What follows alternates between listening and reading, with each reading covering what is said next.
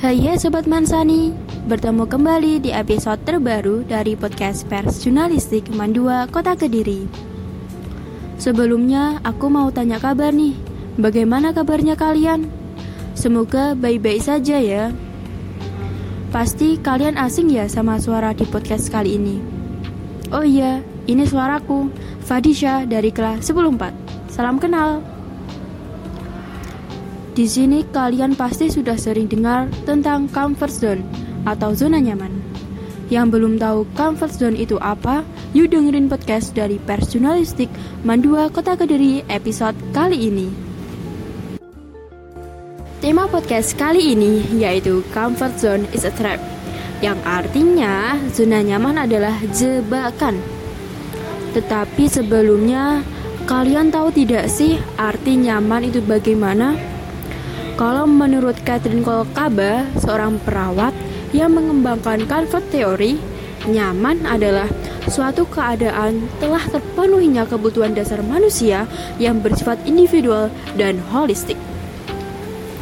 Dengan terpenuhinya kenyamanan dapat menyebabkan perasaan sejahtera pada diri individu tersebut dan juga keadaan psikologis di mana keadaan terasa akrab bagi orang dan mereka nyaman dan mengendalikan lingkungan mereka.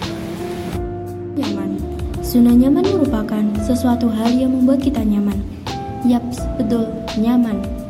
Jika suatu hal tersebut membuat nyaman, dampaknya kita bisa terlalu nyaman dan kita bisa bermalas-malasan dan sulit berkembang bahkan dapat membuat kita masuk kepada hal negatif, seperti membatasi diri kita untuk terus-menerus di zona nyaman tanpa mengambil risiko ataupun hal-hal yang membuat kita tertantang untuk melakukannya.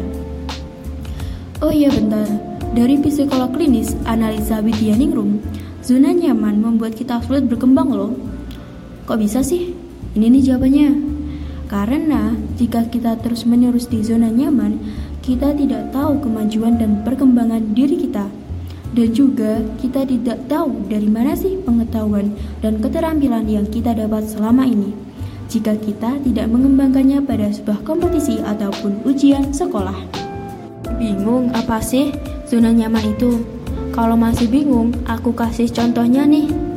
Paling sederhananya, seperti ini. Semisal besok ada penilaian harian matematika, jadi malamnya kita nggak boleh stuck di zona nyaman. Kita dengan berleha-leha dan menunggu contekan dari teman. Tetapi kita harus keluar dari zona nyaman kita dan berusaha keras dengan belajar mengulang materi atau review lalu dilanjut dengan latihan-latihan soal sesuai bab yang akan diujikan nantinya. Kalau kita tidak segera memaksa diri kita buat keluar dari zona nyaman, kemungkinan kecil kita akan mengalami progres yang signifikan yang akan mengubah kita menjadi pribadi yang lebih baik lagi.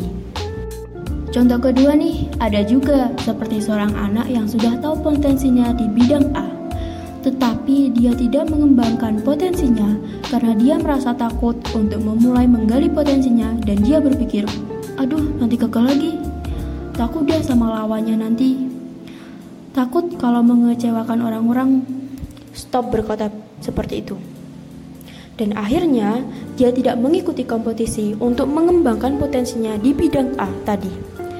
Dia terus-menerus berpikir takut gagal, dan gagal itu adalah sesuatu yang memalukan dan mengecewakan bagi dia.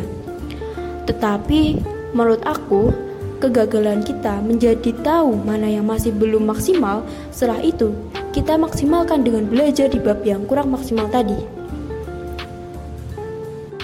Oh iya, di dunia ini tidak ada yang gratis, bahkan kegagalan sekalipun. Karena kegagalan pun perlu usaha. Semua harus ada bayarannya. Jadi, pelajaran yang dapat kita ambil dari tema Comfort Zone is a Trap adalah bahwa zona nyaman pada dasarnya merupakan zona di mana kita dapat memacu diri kita untuk lebih produktif. Tantangan, ketakutan akan kegagalan adalah awal dari kita bisa menumbuhkan pintu start untuk kita dapat lebih mengeksplor dan mengembangkan apa yang ada di dalam diri kita. Jangan takut untuk memulai. Jika kita tidak memulai terlebih dahulu, maka kita tidak tahu apa yang sebenarnya harus diperbaiki. serta jangan takut akan kegagalan.